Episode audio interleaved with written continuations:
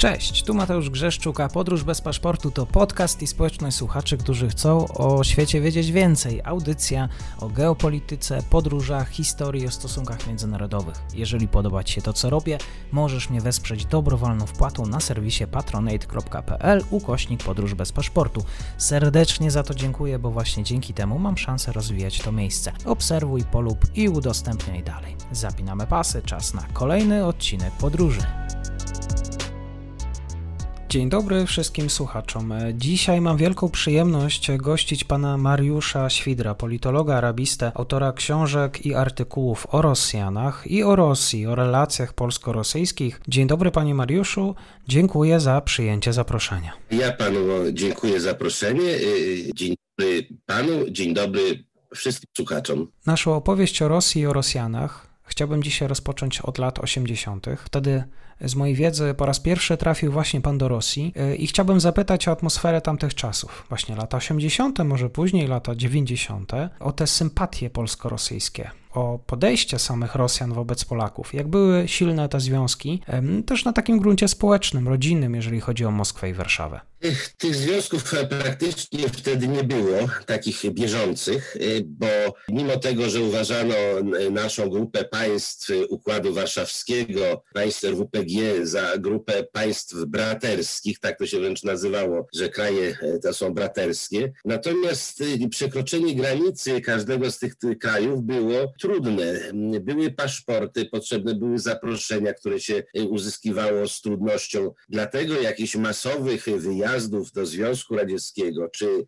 Rosjan do Polski, niby nawet braterskiej, nie było. Naprawdę to było rzadkością e, i mm, jak trafiłem tam na studia w 1986 roku, to cudzoziemcy byli y, w Związku Radzieckim, nawet w Moskwie, rzadkością. To nie było masowe, tak popularne, jak jest, jak jest teraz. Co właśnie powodowało to, że e, Rosjanie gdzieś w tramwajach, w autobusach, jako student często się nimi przejeżdżałem, słysząc rozmowę z kolegą ze studiów po polsku, zaczepiali, pytali się, w sensie pozytywnym zaczepiali, pytali się, a jak u was jest, a skąd jesteście. Natomiast była e, pośród Rosjan wielka e, sympatia e, do Polaków. Wielka sympatia, która wynikała z historii, wynikała z tego, że wcześniej, czyli przed II wojną a jeszcze bardziej przed pierwszą wojną, do Rosji trafiały elity polskie. W odróżnieniu na przykład od Stanów Zjednoczonych, gdzie do tej pory są tak zwane Polish jokes, gdzie się jest czasem się mówi głupi jak Polak, e, dlatego że społeczeństwo amerykańskie było w XIX wieku, już w drugiej połowie i początku XX wieku bardzo rozwinięte, bardzo najbogatsze już w świecie. Na przełomie XIX-XX wieku Stany Zjednoczone prześcignęły Wielką Brytanię jeśli chodzi o gospodarkę. I tam trafiali no, najbiedniejsi chłopi, którym się w Polsce nie udało, tam dostawali ziemię, e, jechali, emigrowali. Natomiast w Rosji, w głąb Rosji trafiały elity. Tam nie jechał chłop uprawiać ziemię, przepraszam, zdarzało się, jest do tej pory wieś Wierszyna, cała wieś polska, gdzie pojechała cała grupa właśnie rolników, y, żeby y, dostali tam ziemię, duże kawałki, żeby, żeby oswajać. Ale w większości to była szlachta, to, to byli zesłańcy, ale nie tylko zesłańcy, właśnie w mojej książce piszę o tym, że y, po amnestii 1883 roku, kiedy większość ogromna Polaków wróciła do swoich ziem zamieszkania do Polski dzisiejszej, terenów Polski przedrozbiorowej, terenów, to na Syberii, na Dalekim Wschodzie zaczęło brakować polskich elit. I, i wtedy oferowano Polakom takie warunki, że co roku po 1883 roku, aż po pierwszą wojnę światową, rocznie wyjeżdżało do pracy na Syberię ponad, średnio 5 tysięcy Polaków, lekarzy, prawników, sędziów, bo y, Polacy byli tam bardzo dobrze postrzegani, język polski, kultura polska. Kiedy mówiono, że to jest polska restauracja, polskie danie, polskie kiełbasy, to było to synonimem tego, że to jest najwyższej jakości i najwyższej kultury. Dlatego, ponieważ nie znano współczesnych Polaków w latach 80., y, na początku, a pamiętano tych Polaków i z literatury z tych XIX wieku, to wszystkim się kojarzyło, że Polak to jest wysoka kultura i Polak to jest gentleman. Potem się to było, kiedy otworzono nieco granice w 90 roku. W Polsce była bieda, kryzys. Wszyscy, kto mógł, to gdzieś handlował. Jeździliśmy do Turcji, do Bułgarii, do, na Węgry, do Związku Radzieckiego też nieco otwarto granice i Polacy, prawda, tam jeździli i masowo gdzieś tam w przejściach podziemnych handlowali, sprzedawali rajstopy, bo to w Polsce było i, i to się zmieniło. Także nieco zaczęło się zmieniać. Nadal ta sympatia w, w Rosji do Polaków jest, ale coraz mniejsza, bo w środkach masowej y, y, informacji pokazuje się, że Polska to ten kraj, który ciągle Rosję blokuje, szczeka, kąsa, wyzywa, uważa za agresora i tak dalej, i tak dalej. W latach 80. Polaków uważano za najbardziej kulturalny naród y, świata, naród dżentelmenów. Jest taka maksyma w polityce zagranicznej, że jeżeli sąsiad jest od ciebie silniejszy, to powinieneś się z nim zaprzyjaźnić. Czy były jakieś próby wyjścia naprzeciw właśnie ze strony polskiej, ze strony rosyjskiej, żeby no, te stosunki w miarę y, łagodne prowadzić? Ja to przysłowie wręcz umieściłem w swojej książce i nie wiem, czy pan y, to właśnie z książki. Tak jest, tak, tak, tak. To jest najważniejsza zasada polityki zagranicznej. Oprócz drugiej, jeszcze jest druga, mniej przyjaciół blisko, a wrogów daleko. Mniej kraje przyjazne bliskie, a wrogie daleko. Rzeczywiście ja cały czas podkreślam, gdzie tylko można. W internecie można znaleźć wieczór autorski mój z 27 października połączony z koncertem mojego przyjaciela, którego zaprosiłem na ten wieczór, gdzie cały czas to powtarzam, że Rosja nie ma wobec Polski żadnych, ale to żadnych roszczeń w odróżnieniu od Stanów Zjednoczonych, które mają tam roszczenia finansowe, gdzie oficjalnie obie izby parlamentu oraz prezydent podpisały te ustawy 447 i ta druga tysiąc tam ileś w tej chwili mi wyleciał z głowy, że mamy płacić Żydom jakieś tam roszczenia za to, że Żydów uratowaliśmy w czasie wojny i to, za to mamy teraz zapłacić tym, nie tylko tym, którzy ocaleli, ale przede wszystkim organizacjom amerykańskim, co jest w ogóle kpiną, jest śmieszne. Rosja nie ma wobec Polski żadnych roszczeń y, terytorialnych w odróżnieniu od Ukrainy, która jest krajem nam wrogim, państwem wrogim. Widać to wspieranie banderyzmu, szowinizmu przez y, tamtejsze władze, która ma roszczenia terytorialne nawet zarówno oficjalne, jak i nieoficjalne, bo nawet w hymnie swoim śpiewają, że Ukraina powinna sięgać od Sanu po Don. Rosja wobec Polski nie, nie ma żadnych, ale to żadnych roszczeń ani finansowych, ani terytorialnych. W dodatku nasze gospodarki się idealnie uzupełniają. Oni są potężnym źródłem surowców, z czego korzystają nasi konkurencje, konkurenci Stany Zjednoczone, które kupują ropę naftową, gaz od Rosji. Rosja stała się w tym roku, wyszła na trzecie miejsce eksportera produktów naftowych do Stanów Zjednoczonych po y, Meksyku i Kanadzie. Rosja stała się trzecim. Na przykład Amerykanie często przekierowują statki, które kupują tanie od Rosji z gazem, które my kupujemy, kupujemy gaz potem od Ameryki to jest to gaz, który statek płynie w stronę Ameryki, wypływa z portu rosyjskiego i zamiast tam płynąć, a z Ameryki zamiast płynąć do Polski statek z drogim gazem amerykańskim, no to przekierowują, wpływa do portu polskiego gaz, który ze statku rosyjskiego, który wypływa. Z kolei y, Rosja potrzebuje ogromnych ilości owoców, warzyw. Na nasze miejsce wypchnęli nas Serbowie na przykład. Rosja potrzebuje mięso. Ja sam eksportowałem produkty mleczne, masło, mleko do, do, do Rosji. Polska, y, Rosja uwielbia polskie produkty kosmetyczne. Rosyjskie sklepy zawalone były polskimi perfumami. Pani Walewska to były najpopularniejsze perfumy w, w, w Rosji. Polskie y, kremy, polskie produkty przemysłowe wszelkiego rodzaju Moda Polska to był najbardziej prestiżowy sklep odzieżowy w Moskwie w, na, jeszcze w latach 90. Y, y, maszyny wielu, wiele rodzajów. No, nasze gospodarki idealnie się uzupełniają, nasze kraje są blisko, nie mają wokół do sie, wobec siebie roszczeń, dlatego y, wiele krajów zachodnich bardzo obawia się tej współpracy i tego zbliżenia, bo sami chcą spijać śliwki, Niemcy chcą sami kupować gaz od Rosji tanio, a potem sprzedawać Polsce i na tym zarabiać, a nie żeby to Polska zarabiała i tanio kupowała gaz i sprzedawała do innych krajów, na przykład do Niemiec. A tak kupujemy drogi gaz amerykański, a potem rozdajemy go na Ukrainę, czy jak teraz w tym tygodniu milion metrów sześciennych do Mołdawii. Wspomniał Pan, że Rosja nie chce żadnych roszczeń, nie ma roszczeń. W takim razie Co oznaczają te wystąpienia władz na Kremlu w kontekście polityki historycznej? Skąd ten budowanie antysemickiego obrazu Polski, ofałszowanie historii, zwycięstwa w II wojnie światowej, stawianie Polski do kąta historycznego? Skąd wynika ta retoryka Rosjan? Po co chcą w Polskę uderzyć? Och, och, dla mnie, jako dla specjalisty, odpowiedź jest bardzo e, prosta, bardzo jasna, bardzo klarowna. Jakby tu nie ma żadnych wątpliwości, zresztą Zapraszam do mojego artykułu w internecie na ten temat, na temat rosyjskiej polityki historycznej, który no, można znaleźć czy przez Google, czy na mojej stronie msfider.com.pl i ja to y, wyjaśniam tam szczegółowo. Natomiast teraz odpowiem panu tak y, y, skrótowo, żeby w ciągu paru minut. Mhm. Powiedziałem, jest powiedzenie, kto sieje wiatr, ten zbiera burzę. Absolutnie. Jeszcze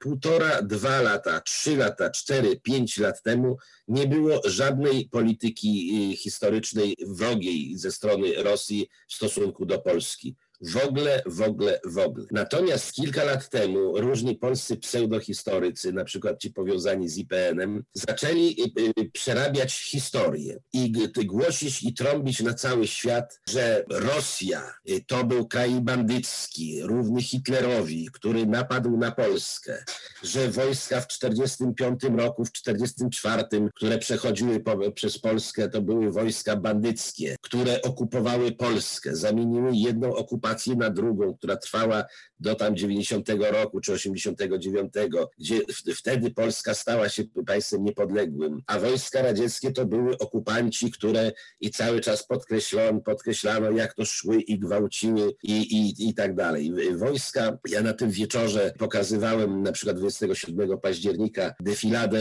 w Moskwie, pierwszą po wojnie defiladę zwycięstwa. Do y, Londynu nas na defiladę Polaków nie zaproszono, natomiast tam zaproszono polskie wojska, armię Wojska Polskiego. I widać było, zresztą defiladą dowodził Polak, marszałek z Warszawy pochodzący, Konstanty Rokosowski. Był to jedyny głównodowodzący tą słynną defiladą. I szły polskie wojska z, pod sztandarami, na których pokazywałem napisy, był krzyż i słowa Bóg, honor, ojczyzna na, na wszystkich sztandarach kościuszkowców tak zwanych. Natomiast dzisiaj się przedstawia ich jako y, jakichś tam kunktatorów, jako złych, którzy szli razem z okupantami na, na, na Polskę. Natomiast y, jedynym bohaterem niemalże jest Niemiec Władysław Anders.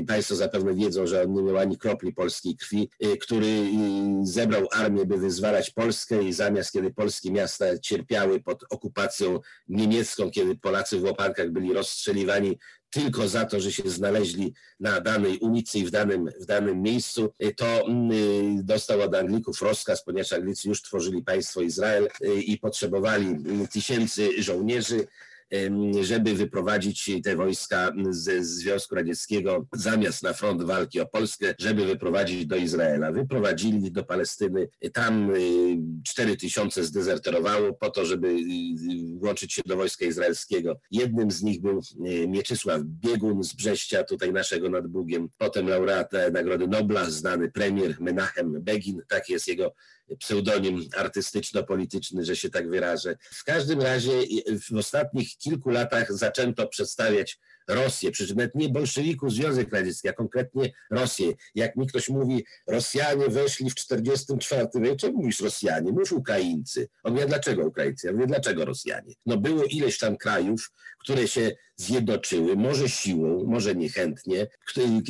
Powstał Związek Radziecki, jak chcesz nazywaj to Związek Sowiecki, którym rządzili na pewno nie Rosjanie, ani zresztą Stalin nie był Rosjaninem, ani Beria nie był Rosjaninem, ani Maksym Litwinow, minister spraw zagranicznych, nie był y, Rosjaninem. Jego prawdziwe nazwisko to Wałach Meyer, Białego Stoku Polski Żyd. Więc w reakcji na tę y, taką y, nienawistną, złą retorykę polskich historyków związanych z rządem w ciągu ostatnich lat, oni zaczęli mówić, aha, no jeśli wy mówicie, że my nie wyzwalaliśmy y, i nasi ludzie, którzy 600 tysięcy żołnierzy radzieckich zginęło podczas wyzwalania Polski, nie wyzwalali, tylko byli okupantami i gwałcicielami, no to my się podłączymy pod retorykę żydowską i będziemy mówić, że Polacy mordowali Żydów. I, i to jest tym spowodowane, i tylko tym, zemstą. Jeśli, kiedy Polacy przestali tak głośno, e, w ciągu ostatnich sześciu miesięcy się to uciszyło, właśnie po to, żeby wyciszyć tą retorykę rosyjską, to oni też to wyciszyli. I teraz na szczęście na tym dostaliśmy po nosie za to, co robiliśmy i to się wyciszyło. Zawsze jest to powiedzenie, kto się wiatr, zbiera burzę. Taki szybciutki przykład mhm mocny to jest kwestia na polsko-białoruskiej granicy. To, co czyni Łukaszenko, jest obrzydliwe. To wpychanie nam islamskich nachodźców. Natomiast trzeba przyznać, że jest to ta wojna hybrydowa i to, co on robi, jest to wynikiem polskiej polityki, jest to zemsta z jego strony, a jednocześnie sposób na zarabianie pieniędzy, ale przede wszystkim zemsta za to, że Polacy od y, iluś lat, a szczególnie po ostatnich wyborach na Białorusi, polski rząd wspiera opozycję, sprowadza Cichanowskich, Tichanowskich, y, sprowadza sportsmenki, daje za darmo willę na Warszawie, płaci tym opozycjonistom za to, że szczekają na na białoruski, na białoruski rząd. Sponsoruje telewizję, radiostacje, e, szczekaczki wszelkie. I, i, i szczególnie, tak jak powiedziałem, w ciągu ostatniego roku. No więc e, Łukaszenko się mści za to. Kto zbiera wiatr, kto sieje wiatr, zbiera burzę. To jest ta moja odpowiedź. Przejdźmy do spraw bieżących. Ja myślę, że e, wielu ekspertów wskazuje i też e, padło to hasło podczas moich spotkań audycji, że to, co robi Łukaszenka, to, co się dzieje na naszej granicy, nie dzieje się bez jakiejkolwiek wiedzy Kremla. To jest bardzo nie, kłamstwo, że to się dzieje, znaczy to się dzieje z wiedzą Kremla. Kreml o tym się dowiedział, Kreml się tym interesuje, tym bardziej, że w Rosji jest podobna niebezpieczna sytuacja. Codziennie lądują tysiące muzułmanów mm, z Dalekiego Wschodu. W Rosji się zaczynają robić protesty. Rosjanie zaczynają się tym interesować. Teraz przyjechała do Polski, do dzisiaj jest, do soboty, bardzo znana taka pani korespondent wojenny, która była na granicy. Wiem o tym, bo poprosiła mnie o rozmowę i, i, i da, dawałem jej prawie dwugodzinny wywiad. Poza tym przedwczoraj byłem bezpośrednia transmisja na głównym telewi- przez internet programie telewizyjnym Rosja i informacyjnym Rosja 24. Rosjanie zaczęli się tym interesować, co się dzieje. Natomiast kłamstwem jest, że to się dzieje z inicjatywy Kremla. Kłamstwem kłamstwo takie jest bardzo niebezpieczne, dlatego że ono może spowodować y, urzeczywistnienie się tego. To znaczy, y, jeśli my będziemy wmawiać Kremlowi, że Kreml macza w, tym, w tej praktyce Łukaszenki palce, a potem przyjdzie jakiś jeden, drugi pseudo głupi, polityk y, albo historyk i znowu zacznie pluć na, na, na, na Rosję, to Rosja rzeczywiście, tak jak Łukaszenko się mści, może zacząć się w ten sposób mścić, tylko że wtedy to będzie stokrotnie straszniejsze niż to, co robił Łukaszenko. Dlaczego? Dlatego, że granicy z Kaliningradem nie da się upilnować z obwodem kaliningradzkim, y, królewieckim, y, jeśli historycznie nazywać to. Natomiast y, na Białorusi nie ma muzułmanów. Oni gdzieś tam muszą przylecieć, zapłacić z Dubaju, z Iraku. Natomiast w Rosji 20% mieszkańców to są muzułmanie. Są całe muzułmańskie republiki, jak Tatarstan, jak Czeczenia, Poza tym były kraje radzieckie mają bardzo luźny reżim wizowy albo w ogóle wiz nie, wiz nie mają, bo są uważane przez Rosjan za kraje jakby swoje, a są dużo biedniejsze niż Syria czy Irak. Mam na myśli Kirgizję, mam na myśli Turkmenistan, Tadżykistan i jeszcze ileś tam kolejnych republik. I, jeśli i stamtąd latają samoloty Aeroflotu do Moskwy, jeśli tylko puściłby, nawet nie robiąc, że to jakaś oficjalnie zemsta, że to jakaś akcja jak w przypadku Łukaszenki, wystarczyłoby, że byłby sygnał i Kreml puściłby samoloty z tamtych republik do Kaliningradu. To mielibyśmy dużo biedniejszych, dużo agresywniejszych, 10 razy więcej i na granicy, której nie da się obronić, muzułmanów, którzy będą najeżdżać na Polskę. Absolutnie Kreml nie macza w tym palców, nie ma takich poszlak, nie ma takich e, sygnałów, nie ma takich najgłębszych ani szpiegowskich informacji. Jest to tylko znowu propaganda rusofobów, e, którzy dostają pieniądze za to, ich rodziny studiują gdzieś tam w Stanach, nie w Stanach, dzieci, za to, że cały czas szczekają na Rosję, a to szczekanie ma powód taki, że Polacy mają się Rosji obawiać, że to niby Rosja najedzie i płacić Amerykanom setki miliardów dolarów na uzbrojenie, na samolociki, na rakiety kolejne, na czołgi, gdzie Amerykanie muszą po całym świecie płacić za to, że mogą mieć swoje wojska, to w przypadku osób, nas Polaków, to my im jeszcze płacimy za to, że mogą tutaj korzystać i przynoszą zagrożenie, bo w razie jakiegoś konfliktu, jeśli tu będą w Polsce rakiety, no to y, kraj, który się będzie bronił przed Amerykanami, będzie wrogi, będzie musiał uderzać swoimi rakietami w Polsce po to, żeby zniszczyć, zniszczyć y, zagrożenie. Mhm. Jest to polityk. Mhm. Na swoim podcaście staram się łączyć różne opinie, więc dwa pytania. Czy ma pan e, świadomość, że głosi pan no, dosyć tezy niepopularne? A druga kwestia, no to czy przypadkiem pan Mariusz Świder w kontekście tego kryzysu jest mało krytyczny wobec Rosji? Proszę pana, ja w tym kontekście jestem krytyczny, nie tylko mało krytyczny w stosunku do Rosji. Jestem w tym kontekście mało krytyczny również w stosunku, proszę zauważyć, do Australii i do Japonii, które mają z tym kryzysem tyle samo wspólnego, co Rosja. To jest zemsta Łukaszenki. Tak jak wcześniej mówiłem, Rosja nie ma z tym nic wspólnego.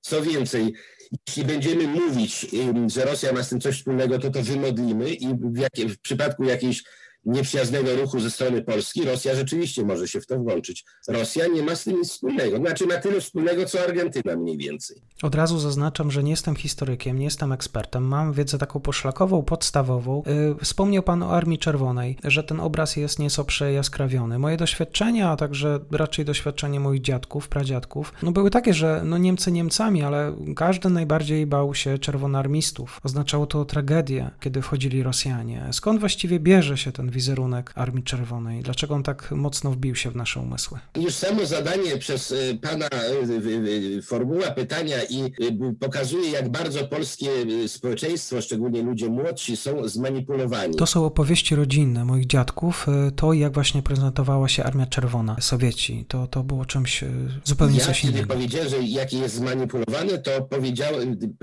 miałem na myśli to, że użył pan sformułowania, jak wchodziły wojska rosyjskie. No. Podczas to nie wojska rosyjskie, absolutnie. To były wojska radzieckie, czyli szli tam Ukraińcy, Białorusini, Uzbecy, mhm. Czeczenie, Kałmucy, szli tam również Rosjanie. Związek Radziecki było to mm, kilkanaście, prawie dwadzieścia republik, bo tam te ilości się zmieniały, raz było 16, raz 17, łączono tam i tak dalej, i tak dalej. To po pierwsze.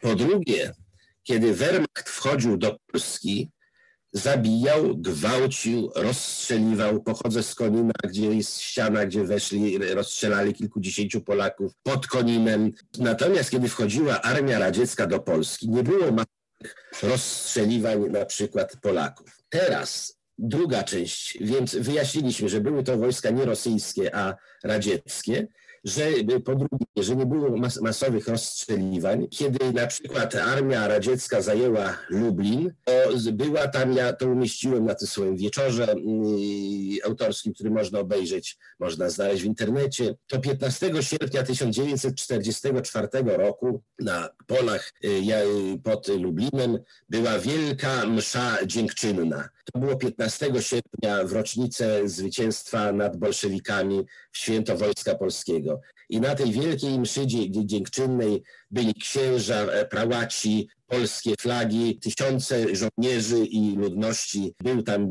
Bolesław Bierut, był jako przedstawiciel bezpośredni Stalina Bułganin, Karol Świerczewski, który w czasie tejże wojny z tej okazji zwycięstwa walczył przeciwko Polsce, był Zygmunt Berling.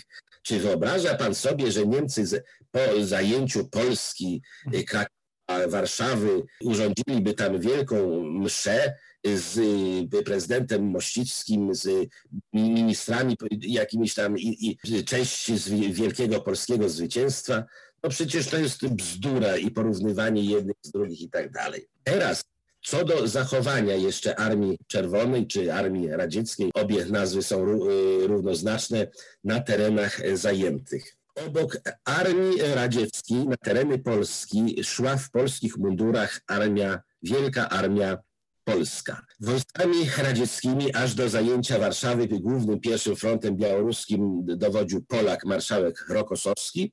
Drugim frontem dowodził Polak z pochodzenia Jan Czerniakowski, Iwan Czerniakowski. Ale przede wszystkim szły polskie wojska. Polska miała oficjalnie status kraju sojuszniczego sprzymierzonego. Żołnierze radzieccy mieli zakaz grabienia i zakaz gwałtów. Takie sytuacje były incydentalne w przypadku, kiedy zajmowali polskie ziemie, kiedy zajmowali Lwów, Przemyśl, Lublin, Warszawę. Natomiast wojska niemieckie zachowały, zachowały się zwierzęco podczas okupacji ziem Związku Radzieckiego. Gwałciły, mordowały, paliły każda rodzina radziecka straciła ludzi swoich albo poprzez bezpośrednią opresję niemieckie, albo na froncie. I była ogromna chęć zemsty za to, co Niemcy robili podczas okupacji radzieckiej. I ci żołnierze radzieccy, kiedy szli na zachód, kiedy szli na Berlin, oni mieli wszyscy mapki ze sobą, mapki granic przedwojennej Polski, czekając z wielkim utęsknieniem, kiedy to przekraczą te granice i kiedy będą mogli gwałcić, mordować, palić, szabrować, kraść i tak dalej. I kiedy tylko przekraczali te granice, to tak się zachowywali, robiąc w rewanżu dokładnie to samo, co robili Niemcy. A trudno po Kałmuku oczekiwać, że on by wiedział, że oto 500 lat temu Opole było w Polsce, więc jak jakiś jest tam Helmut Koschyk i Hermenegilda Schajka, to ta, którzy mm, często nawet polskiego nie znają, to są e, Polacy, że w Gdańsku część ludności, Polacy byli mniejszością przed II wojną, że duża część ludności to są Polacy. Dla nich to byli Niemcy.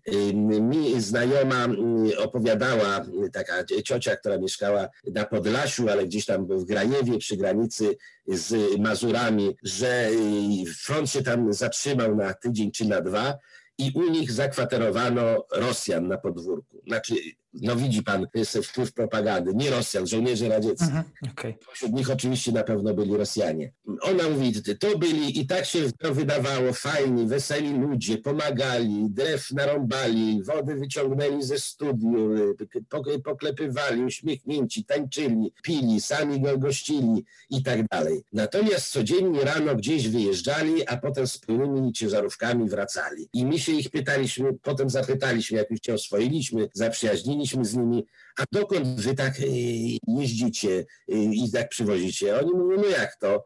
Na zabawę, na szaber. Przecież tu obok jest tam, podali jakąś tam miejscowość, Ełk czy coś, przecież tu obok są Niemcy i 15 kilometrów stąd jest miasto niemieckie. Jeździmy tam się zabawić z dziewczynkami i wywozimy stamtąd zegary, meble i tak dalej. Przecież to są Niemcy. My ich nienawidzimy, my e, robimy to, co oni robili u nas z dużą dozą prawdopodobieństwa ten dziadek, y, czy, który to, czy babcia, który to pani opowiadali, będę zdziwiony, jeśli pan, naprawdę mhm. będę zdziwiony, jeśli pan powie inaczej, byli z terytoriów polskich, mhm. które należały do Niemiec. Y, żołnierze Sowieci traktowali te terytoria jako Niemcy, zachowali się tam y, okropnie, czyli dokładnie tak jak Niemcy mhm. na Y, radzieckim wcześniej. Dziękuję za przedstawienie swojej perspektywy. Stąd zadam pytanie z innej strony. Może właśnie wiedza mojego pokolenia o Rosji jest według Pana znikoma, mała, posługujemy się jakimiś skrótami pamięciowymi. Czy z Pana perspektywy może się coś zmienić właśnie w kontekście postrzegania Rosji i kto mógłby to zmienić?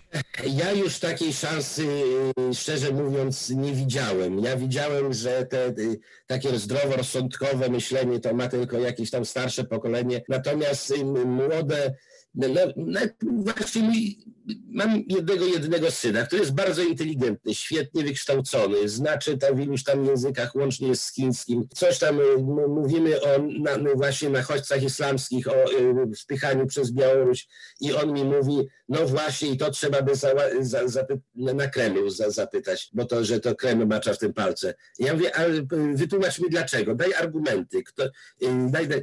On mówi, no, no tak wszyscy mówią Co znaczy wszyscy mówią? No wszyscy mówią, a wszyscy mówią to znaczy propaganda. Jest kilka portali największych, które mają za zadanie i są opłacane przez zachodnie wszelkie instytucje rządowe, soroszowskie, inne otwarte, prawda, uniwersytety i tak dalej, które mają za zadanie siać w Polsce antyrosyjską propagandę. I ja codziennie, jak otwieram internet, to czy obronimy się przed Rosjanami, Putin się cieszy, bo coś tam, coś tam. I codziennie jest takie kapanie na mózgi, szczególnie młode y, mózgi są na to podatne, że to jest nasz, prawda, wróg, a Stany Zjednoczone to jest nasz największy przyjaciel. Ja szansy na to nie widziałem wcześniej. Teraz widzę, bo już to przechodzi y, wszelkie y, granice, ta antyrosyjska propaganda. I ja widzę, że ludzie zaczynają już być tym zmęczeni, że ludzie widzą, że inne kraje zarabiają na współpracy z Rosją, że współpracują, że Węgry, nasz najbliższy bratanek, podpisał długoterminowy kontrakt z Rosją na gaz, że Niemcy nas wy coś tam ały i będą sobie brały bezpośrednio ponad naszymi głowami gaz z Rosji tanio, który my będziemy kupować, że ta zdroworozsądkowość wróci, tym bardziej, że y, w Stanach Zjednoczonych do władzy doszedł rząd lewacki, który będzie zmuszał Polskę do wprowadzania swoich lewackich zasad, a u nas w tym rządzie jest jednak większość ludzi pod tym względem konserwatywna i nie będzie się na to zgadzała. Poza tym wzrost potęgi Chin spowodował to, że Stany Zjednoczone mają największego, to by Stan Zjednoczony był absolutnie hegemonem, jeśli chodzi o gospodarkę jedynym, który rozdawał karty na całym świecie, a teraz y, równorzędnym hegemonem stały się Chiny, które zaczynają wypychać Stany Zjednoczone z wielu rynków, między innymi z Azji, Afryki. I i Stany Zjednoczone nagle widzą, że no nie mogą się wdać powiedzmy w wojnę z Rosją, bo ta wojna spowodowałaby osłabienie jeszcze Stanów Zjednoczonych w porównaniu z Chinami. Rosja nie jest konkurentem gospodarczym w stosunku do Stanów, jest dużo, dużo słabszym krajem, więc Stany Zjednoczone, jeśli będą chciały podjąć walkę, niekoniecznie dosłownie zbrojeniową, ale podjąć rękawice w sporze, w tym konflikcie gospodarczym z, z Chinami, to będą musiały się prędzej czy później z Rosją zaprzyjaźnić. I, I wtedy tą wypadkową polityki y, polskiej, która polega na służalczości wobec Stanów Zjednoczonych, no to jak prawda, a my Stany Zjednoczone zaprzyjaźnią się z Rosją, no to i nasi, nasze pacynki się z Rosją zaprzyjaźnią. A mówię, jeśli Stany Zjednoczone chcą podjąć rękawice i konkurować z Chinami na polu gospodarczym, wytrzymać tę konkurencję, to nie może być to jednocześnie w konflikcie z Rosją, bo ten konflikt będzie Amerykanów bardzo osłabiał. Co więcej, Amerykanie powinni przyciągnąć Rosję jak gdyby na swoją stronę. Jakimiś inwestycjami, jakimiś pieniędzmi, mhm. jak technologiami, ale y, tak jak parafrazując to przysłowie, jeśli y, w każdym razie, tak jak powiedziałem, polska polityka y, z, Rosją jest funkcją polityki amerykańskiej, a polityka amerykańska musi się zmienić, jeśli Amerykanie będą chcieli wytrzymać. Jeśli mhm. będą, no to będą dążyć do konfliktu z Rosją, nadal będą kundli i inne kraje kundelki napuszczać na Rosję, Litwy, Polski, żeby tutaj szczekały, prowokowały strzelać rakietami. Jeśli byłaby jakaś wojna, konflikt e, rosyjsko-amerykański, to te rakiety nie polecą z Ameryki na Rosję, a rosyjskie rakiety nie polecą z Rosji na Amerykę, tylko polecą z Polski na Rosję, a z Rosji, z Kaliningradu w ciągu kilku minut na e, Polskę. I pół Polski będzie rozwalona po to, żeby mm, Amerykanom y, zrobić przyjemność. A Amerykanie nie mogą sobie pozwolić na bezpośrednią wojnę z Rosją. Czyli podsumując, Rosja i Kreml nie mają żadnych złych intencji wobec Polski, a tym złym relacjom są winni sami Polacy. Tak, tak. Przy czym kiedy ta narracja nie była antyrosyjska, nie było tam żadnej narracji antypolskiej, kiedy powstała narracja antyrosyjska pokazująca Rosjan jako gwałcicieli i okupantów y, równorzędnych Hitlerowi, Y, to oni pokazali, bo dla nich to jest wielka bzdura, dla nich to jest tak, oni są wychowywani od dzieciństwa w kulcie II wojny światowej, w kulcie żołnierzy radzieckich, którzy ginęli, by wyzwolić Europę. I kiedy oni słyszą, że to byli gwałciciele i okupanci, no to sami zaczynają rozgłaszać bzdurę, którą właśnie głoszą na zachodzie niektóre kręgi, że Polacy mordowali Żydów, ratując ich przed dobrymi gestapowcami, a gestapowcy i wehrmachtowcy ich, tak jak pan powiedział, że dużo gorzej się zachowali żołnierze rosyjscy, jak to panują niż, niż Wehrmacht,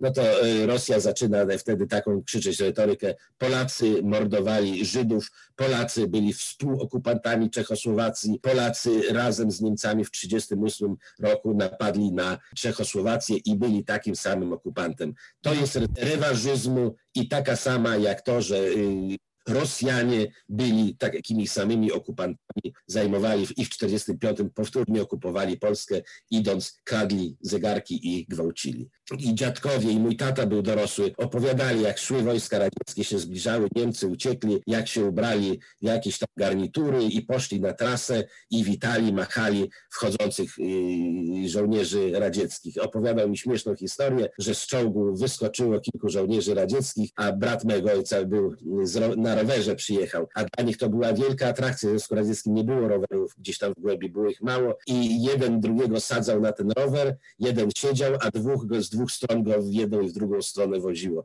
Czyli czołg dla nich to była pestka, a tutaj rower to była wielka y, atrakcja i święto. Ja znam tego typu opowieści. Jak mówię, y, znaczy żołnierze radzie, zdarzały się gwałty na ziemiach polskich, ale żołnierzy sowieckich bezwzględnie za to, jeśli udowodniono taki gwałt, że zgwałcił Polkę, bezwzględnie rozstrzeliwano. Taka była kara za gwałt na mhm. Na kraju sojuszniczym. Natomiast kiedy wchodzili, weszli na przykład na Śląsk, na tę Śląska, która była przed wojną niemiecka, czy kiedy wchodzili do Gdańska, uważali, że to są ziemie niemieckie i nie tylko, że nie, nie zostali karani, ale wręcz pochwalano i mówiono im, macie się zachowywać tak, jak Niemcy zachowywali się u nas. Jest zasada rewanżu. Jeśli my będziemy mieć retorykę historyczną taką, jaka była rok temu, że to była w 1945 roku okupanci, którzy szli i, i gwałcili, no to ze strony Rosjan będziemy słyszeć, że Polacy mordowali Żydów i y, okupowali, napadli na Czechosłowację razem z Niemcami w 1938 roku, powodując II wojnę światową. To mając na uwadze, że sporo będzie pytań i komentarzy, że tak myślę pod tym filmem, e, ale po to jest ten podcast, żeby rozmawiać z różnych stron. To czy zgodzi się pan e, przyjąć zaproszenie do tego typu Ależ oczywiście. Ja zawsze e, ja mam tak mocno ugruntowane poglądy i tak szeroką wiedzę na ten temat, że ja się nie boję żadnych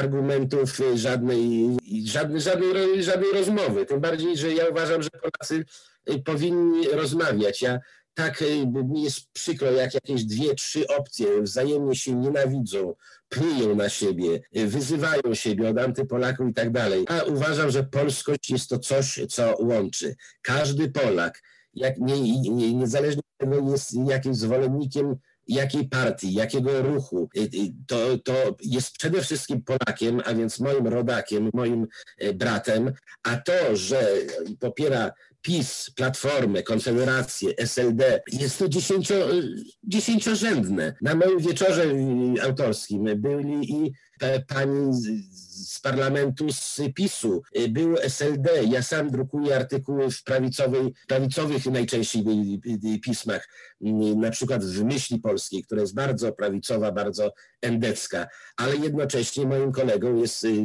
redaktor naczelny Trybuny i on czasem mi mówi, Mariusz, napisz na ten temat, na taki temat, na owaki temat i ja y, publikuję również w Trybunie, Państwo mogą znaleźć moje artykuły. I y, kiedy powstał ruch kodu, i nowoczesnej, uważałem to za wielkie niebezpieczeństwo dla Polski. Dlatego pierwsze, co zrobiłem, to zapisałem się gdzieś tam na Facebooku do grupy wielbiciele czy coś takiego nowoczesnej i do grup popierających kod po to, żeby ich tam, tam przekonywać, bo po co przekonywać przekonanych? Mnie nie ma na grupach prawicowych, nie, nie udzielam się, nie przekonuję ich, bo po co przekonywać patriotów do bycia patriotami? Lepiej przekonywać tych, którzy błądzą drugą stronę. Dlatego z przyjemnością podejmę e, rękawice i rozmowę. I będzie to rozmowa nie z kimś, kogo nienawidzę, który ma inne poglądy, którego trzeba zniszczyć, tylko to będzie rozmowa z rodakiem, z Polakiem, który ma inne poglądy i którego spróbuję przekonać. A jeśli on będzie miał mądre argumenty i w jakichś tam tematach mnie przekona, jestem na to otwarty, tylko krowa nie zmienia poglądów. Dziękuję serdecznie za nasze spotkanie. Moim gościem był pan Mariusz Świder, autor książek i artykułów o Rosji i Rosjanach. Serdecznie dziękuję. Dziękuję bardzo. Do, mam nadzieję do usłyszenia, do widzenia Państwu. Proszę Państwa, ja jestem przede wszystkim, piszę artykuły też właśnie o sytuacji na Bliskim Wschodzie, sytuacji w Afryce, y, także tylko, żeby mówić y, że o, o Rosji. Rosja, ponieważ tam studiowałem, jestem związany, jest jednym z kierunków, którym się zajmuję, ale nie mniej niż Białorusią, Ukrainą, Bliskim Wschodem, Chinami i, i, i tak dalej. Jest wiele ciekawych tematów, wiele ciekawych rzeczy się dzieje. Zapraszam do lektury moich książek i, i artykułów. Dziękuję za zaproszenie. Do usłyszenia.